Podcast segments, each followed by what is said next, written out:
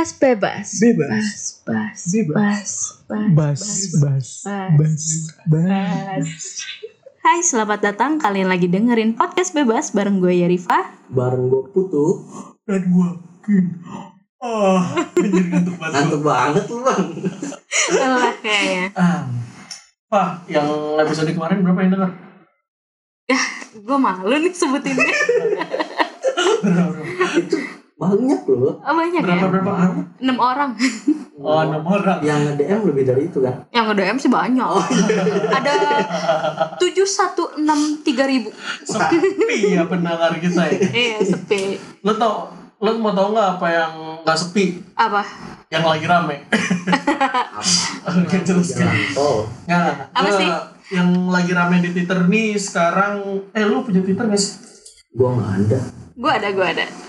Nah, yang lagi rame di Twitter itu lagi ngebahas Joshua, Joska, Joska. Joshua Yes. Jadi ada salah satu account namanya Alvin Alvin at Yakobus underscore Alvin dia nge-share from this to this sharing gimana gobrok bobroknya at Joska ID dan uh, nana ngader kliennya nah jadi intinya di, dia nge-tweet kalau misalnya pada saat dia jadi kliennya si Joska oh ini jadi dia klien? Klien klien. Dia Dia klien. kliennya.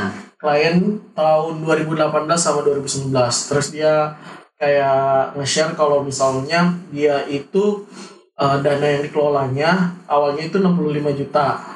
Terus sekarang itu sisa tinggal 13 juta tapi 13 juta ini udah diambil ya udah diambil Oh, sebagian jadi udah diambil sebagian udah iya udah diambil sebagian Lu kata nggak tahu. siapa?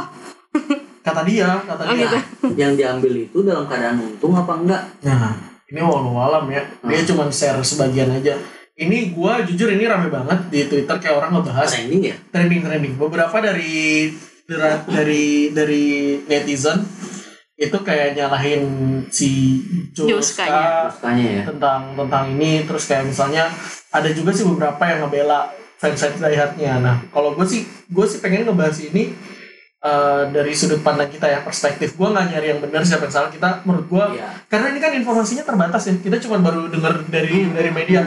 Dan belum ada pertama kali diangkat sama CNBC ya nggak sih? Oh iya, iya. Iya kan? Hmm. jadi eh, karena jadi gua rasa sih ya Joshua-nya juga belum tentu salah belum tentu benar dan nasabahnya juga belum tentu salah belum tentu benar ya. Iya, dan tujuan kita ngebahas itu pun bukan nyari yang benar atau yang salah. Oh iya, iya. gue sih kayak apa namanya kita pengen melihat dari perspektif lo berdua nih ah, bertiga kita masing-masing eh, gimana sih tentang eh, apa namanya eh, financial planner si Joska ini Ah. cash ini gitu. Kan ini rame banget cuy. Iya, rame orang-orang semua berpendapat.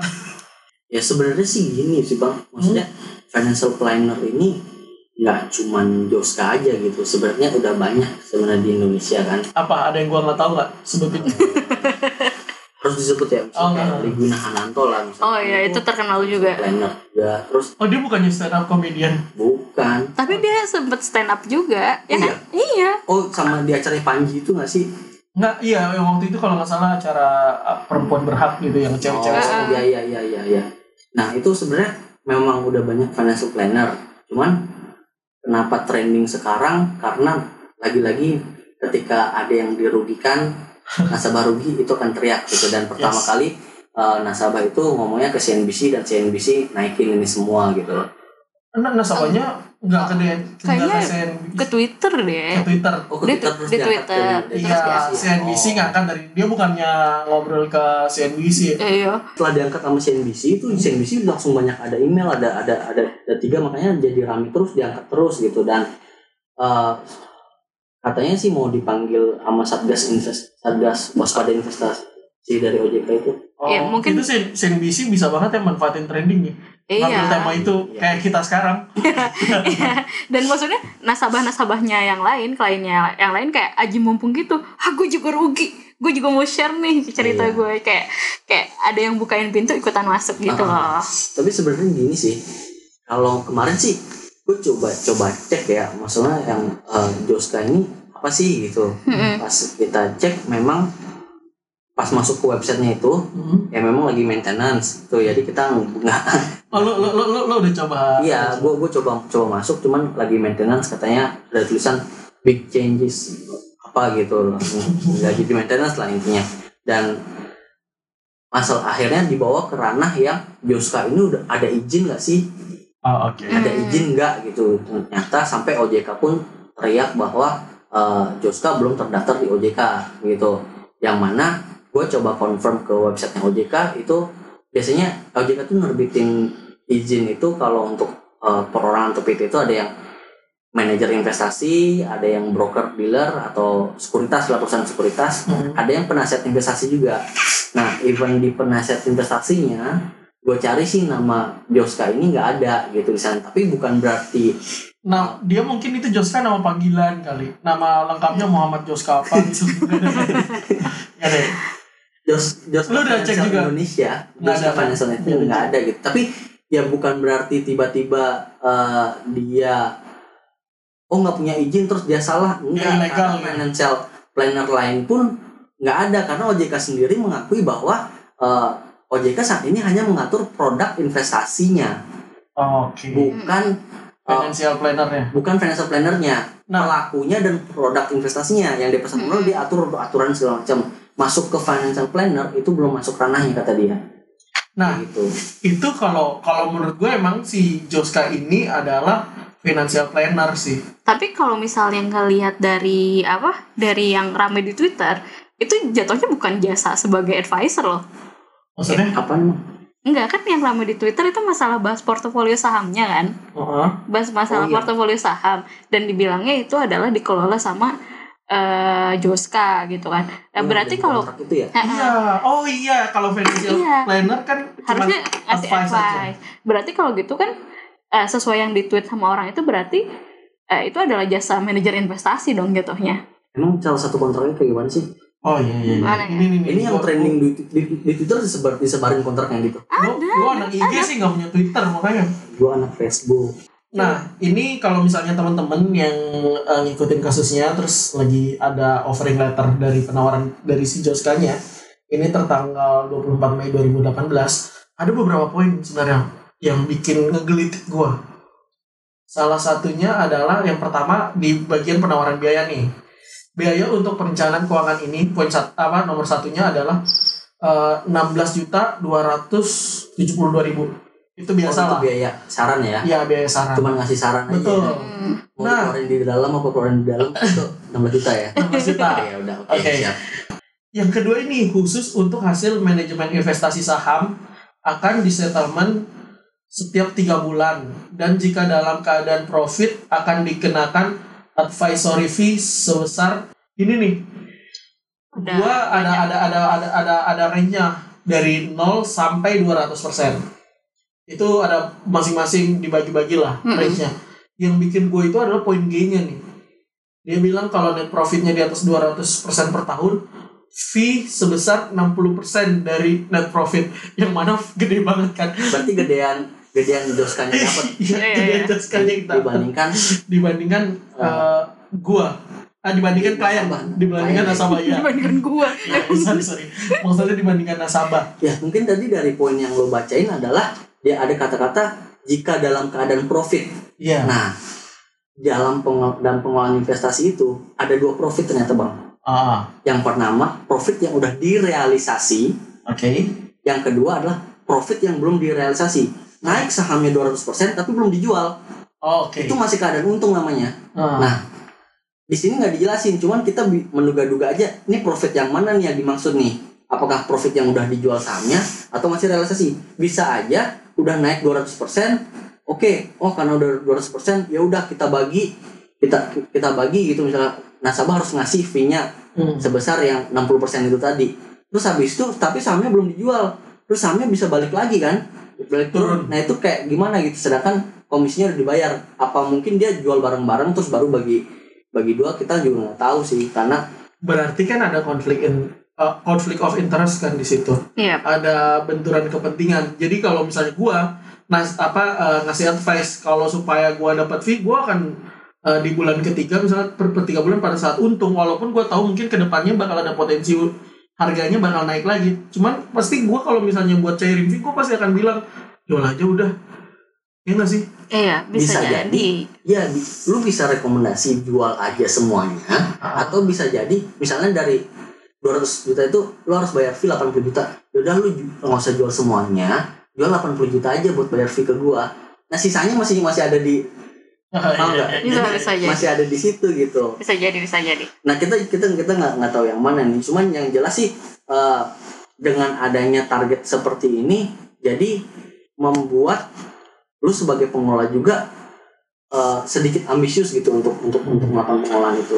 dari sudut pandang gue sebagai calon investor ya kalau misalnya ini kan duit gue 100% duit gue yang gue tanam ya kan? Kalau misalnya ini profit sampai 200% gue cuma dapat 40% dari 200 itu Eh, terus eh, apa namanya si advisernya dapatnya lebih.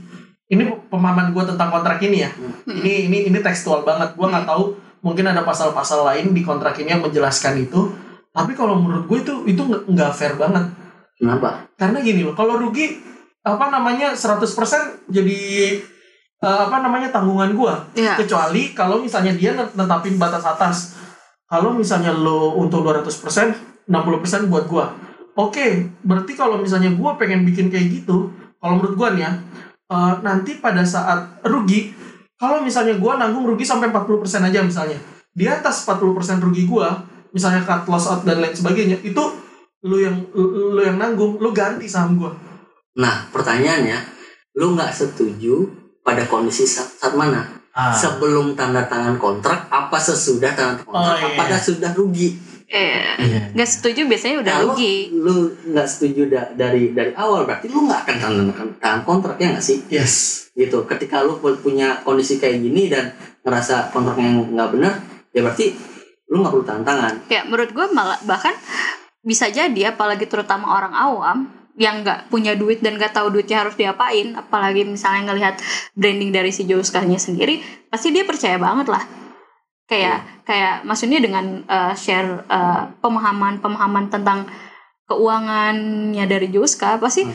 kalau orang awam pasti bakal mikir yang kayak iya iya ah iya. iya iya aja gue yakin nih pasti untung orang ilmu yang dia share juga bagus-bagus pasti ada aja orang-orang kayak gitu yang yang dari awal makanya dia ngerasa ya ini eh, dia- Termakan dengan branding dan marketingnya. ya Joska. deal yang bagus Ini, eh sorry sorry disclaimer ya, yang tadi gue baca itu itu bukan kontrak, tetapi uh, offering letter. ternyata penawaran Ya, kan penawaran. orang bisa bisa iya atau enggak Iya, dia, dia bisa bisa iya bisa nggak. Kalau gua, gua pasti dengan isinya yang kayak gini sih gua nggak setuju. yang kedua itu masalah ini sih yang tadi terkait izin di OJK ternyata di sini kan kalau misalnya pengelolaan MIV itu kemarin sih Joskanya ngebantah bahwa kita nggak ngelola kita hanya ngasih rekomendasi katanya dia. Karena memang secara aturan financial planner itu nggak boleh mengelola duit nasabah. Iya. Jadi ada izin nih eh, di di di OJK itu yang diterbitkan adalah WPPE wakil perantara pedagang efek yaitu perusahaan sekuritas. Dia yang menghubungkan kita untuk jual beli saham. Mm. yang kedua wakil manajer investasi. Bahkan si WPPE pun tidak boleh mengelola dana. Dia hanya merekomendasikan nelpon ke klien, Pak ini saham saham Telkom bagus nih, bla bla bla bla bla. Bapak mau beli nggak? Oke beli aja. Itu tetap Baru- atas keputusan klien. Tetap atas keputusan klien. Yang bisa mengelola secara eh, keputusannya sendiri Di- adalah WMI, wakil manajer investasi. Itu baru boleh dikelola dana sesuai dengan eh, kaidah-kaidah yang berlaku lah. Bisa dibilang anjing bahasa gua kaidah anjir. Ya nggak apa-apa lah. nggak apa-apa lah biar kelihatan pinter Si aja Rif aja masih sering pakai kata sembari loh. sembari apa Sembari, kendati. yang pertama yang dari dari klien adalah ini pertama dia boleh atau enggak gitu Hmm. resmi kan yang yang memang gitu ketika kita uh, ketemu seorang yang benar-benar tahu banget investasi pasti nasabah yang awam itu uh, iya iya aja gitu Iya. bisa kita bilang iya iya tapi kalau menurut lo, ya ja- jangan kayak gitu juga nggak sih? Iya, iya. iyalah. So gini financial planner itu perencanaan keuangan. Ujung-ujungnya yang harus ngerencanain keuangan lo hidup lo itu adalah diri lo sendiri gitu. Gue sangat eh, nggak setuju ketika ada nasabah yang benar-benar ketika dirugikan bilang gue kan nggak tahu si- siapa dia ya gue ngikut-ngikut aja gitu. pura-pura bego. Gue gue nggak tahu ya kan?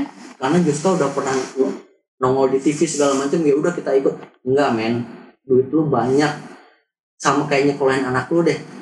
Lu nggak mungkin lah sekolahin anak lu di di SD SMP atau yang yang nggak bener gitu kan. Masih lu pasti cari tahu ini siapa sih. Ya pasti ada risetnya. Lu beli rumah juga sama gitu. Lu pasti riset ini bagus atau nggak segala macam. Begitupun dengan investasi gitu. Kalau lu nggak tahu orangnya sesimpel ini deh. Kita tanya balik ke ke nasabahnya yang nge-tweet. Sesimpel tanya lu tahu nggak Joska itu siapa? Pasti jawabannya ya dia kan Financial perencana planner. terus gini, bla bla bla segala macam Hmm. berarti kalau nggak tahu ngapain ngasih duit maksudnya ngapain mempercayakan gitu loh berarti kan di awal udah ada persetujuan kan Ya, Oke. kalaupun maksudnya kalau misalnya si nasabahnya beneran tahu Joska itu apa dan Joska fin- financial advisor, iya dan dia tidak akan mempercayakan uangnya ke orang itu. Karena kan dia cuma advisor, Iya. bukan manajer investasi, man. pertama kalau dia bilang nggak tahu itu juga salah yang kedua kalau dia yang tahu ya udah tahu berarti harus approve sama risikonya dong ya kan Karena investasi kan ya pasti ada untung pasti ada rugi. Nggak Iya. sama. Kalau misalnya untung semua ya pada saat turun masa nggak ada yang rugi Iya. sih? dan gue mau mau bilang gitu eh, ke ke semua nasabahnya yang udah jadi nasabah Joska gitu Hmm. eh, jangan gara-gara panik gak karena hal ini gitu misalnya tinggal di compare aja dari se- se- kes- keseluruhan perlakuannya Joska ke klien Hmm. itu kayak gimana sih kalau memang semua kliennya ternyata protes ya berarti memang Berarti salah ya Iya. karena secara company itu adalah keputusan bersama ya enggak Iya. Joska adalah PT Joska Financial Indonesia itu adalah keputusan bersama itu ada bukan oknum bukan apa gitu jadi ketika nasabah kliennya itu hanya beberapa doang ya ini perusahaan masih layak untuk jalan sih kalau menurut gua Iya, kalau menurut gue sih pada saat kita menggunakan jasa financial planner itu tujuannya adalah supaya kita lebih aware atau lebih melek eh, apa tentang eh, Produk-produknya finansial, ya kan? produk-produk finansial.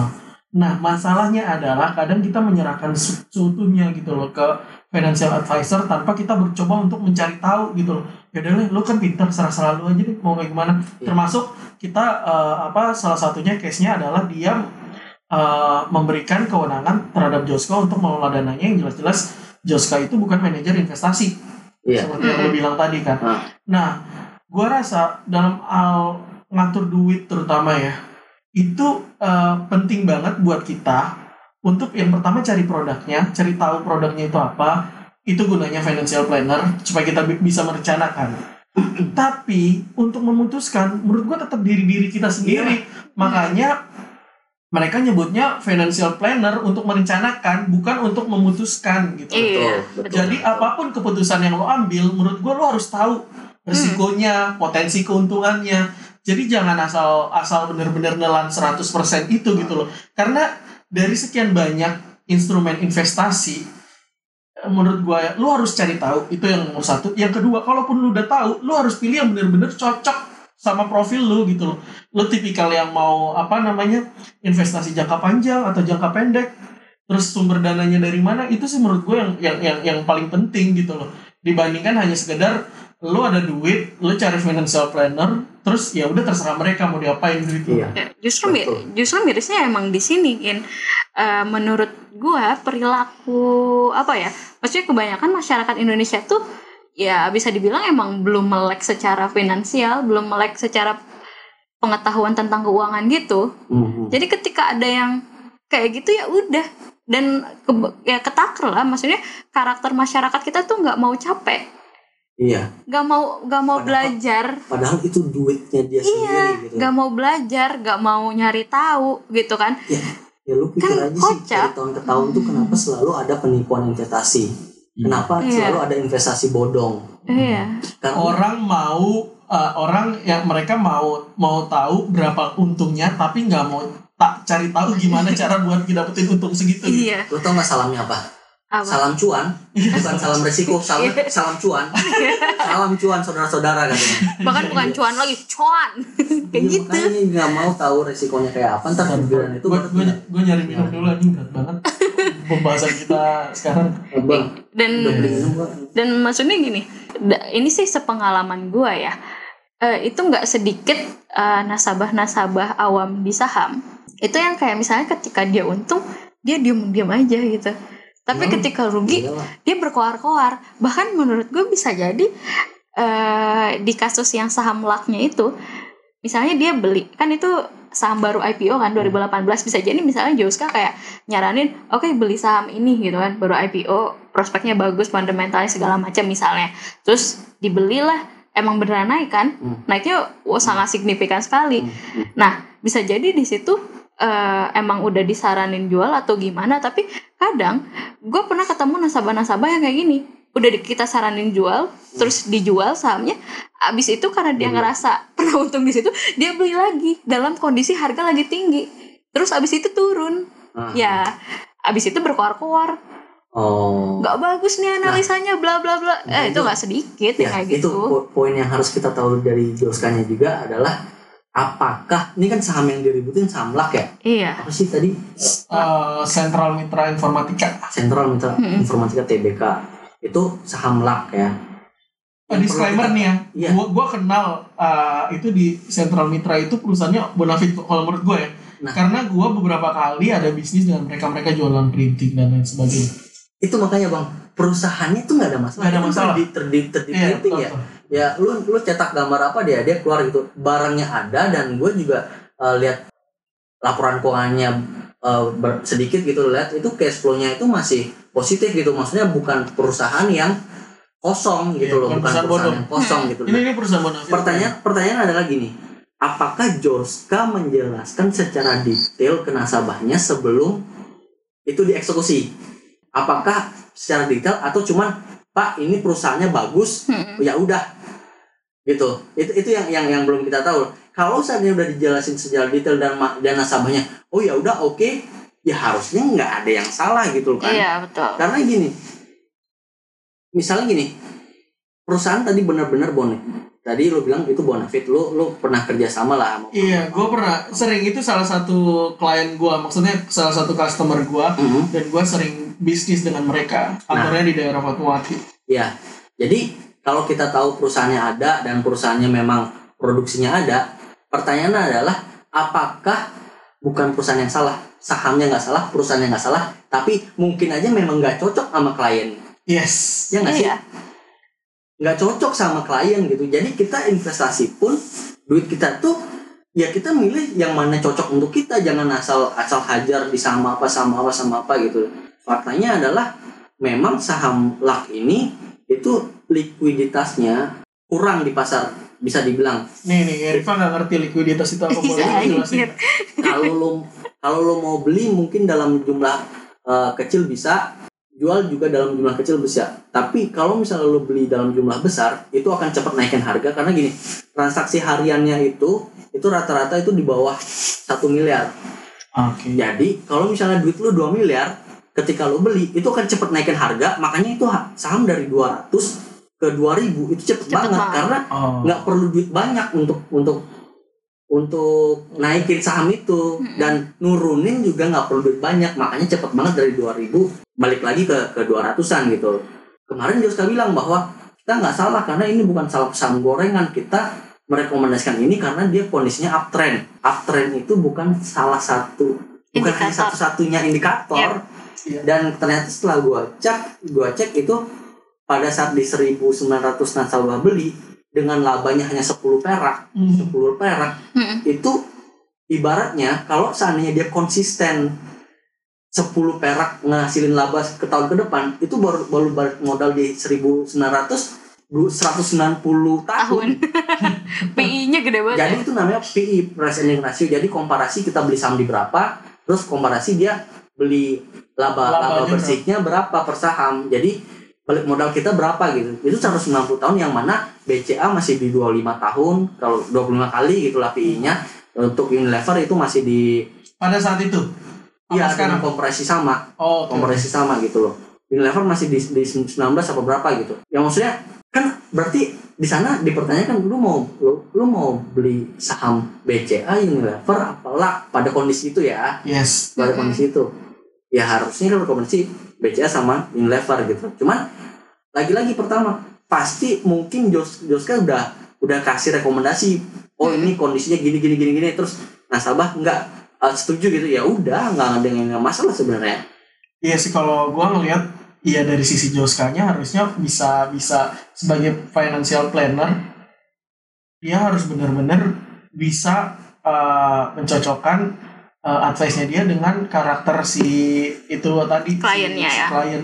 Iya betul. karena kalau misalnya yang gua tangkap sih klien itu nggak ngeh gitu loh. Dia bahkan nggak tahu apa namanya uh, itu tiba-tiba tetapnya udah turun. Nah, nah, terus uh, mungkin karena keterbatasan informasi ya dia cuma nge-tweet berapa berapa tweet ya. Uh, terus tiba-tiba ya dia protes intinya dia rugi aja. Ini sa- satu yang mau gue sampaikan ya mungkin ini ini terakhir. Pertama, yang dilakukan Joska itu menurut gua tidak menipu. Dia salah, iya, karena mungkin dia belum ada izin tapi melakukan pengelolaan gitu. Terus Mm-mm. nasabah harusnya nggak login, ya itu salah di sana Iya. secara administratif. Hmm. Tapi menipu tidak karena dia membelikan saham yang memang ada perusahaannya. Hmm. Entah sahamnya eh, naik turun secara cepat itu itu kondisi berbeda karena kita bisa sebutin ya Sandiaga Uno pernah ngaku dia pernah salah investasi. Warren Buffett itu pernah salah investasi. Lo Keng Hong pun pernah salah investasi gitu. Lo Keng Hong, Lo Keng Hong siapa? Temannya Cupat Kai.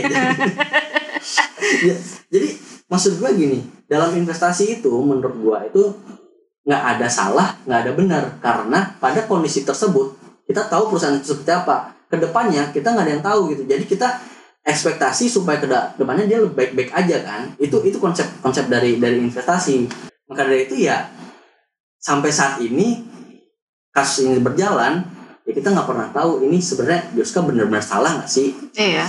Ya makanya buat eh, teman-teman sih yang mau mulai investasi ikro baca dulu, kenalin dulu produk. gali lebih dalam Iya, kenalin dulu. Apa salahnya sih belajar gitu? dan ketika kalian udah tanda tangan udah oke itu sebenarnya udah resiko di kalian gitu. Iyalah, itu Sama udah yang paling penting adalah pada saat lo memutuskan untuk memakai jasa financial planner, lo harus tahu bahwa mereka itu hanya membantu lo untuk merencanakan, bukan mengambil keputusan strategis yang menyangkut duit lo sendiri. Kalaupun lo harus mengambil sesuatu keputusan investasi yang strategis yang menyangkut eh, apa namanya nilai dari investasi lo, menurut gue lo harus tahu. Tahu Iya. dalam arti di sini adalah tahu prediksi potensi keuntungannya berapa, tahu juga besar risikonya segimana. Seperti kata pepatah dari Arab, anjay. Kuat Arab sekarang kemarin Yunani Iya. Kiu-kiu banget lah anaknya. Ya. Ikro, sama aja. Anjir, ujung-ujungnya ikro gitu Tapi ikro tuh penting banget, men. iya iya betul Orang bodoh itu udah banyak di Indonesia. Ini- Tolong lah lu jangan termasuk salah satunya.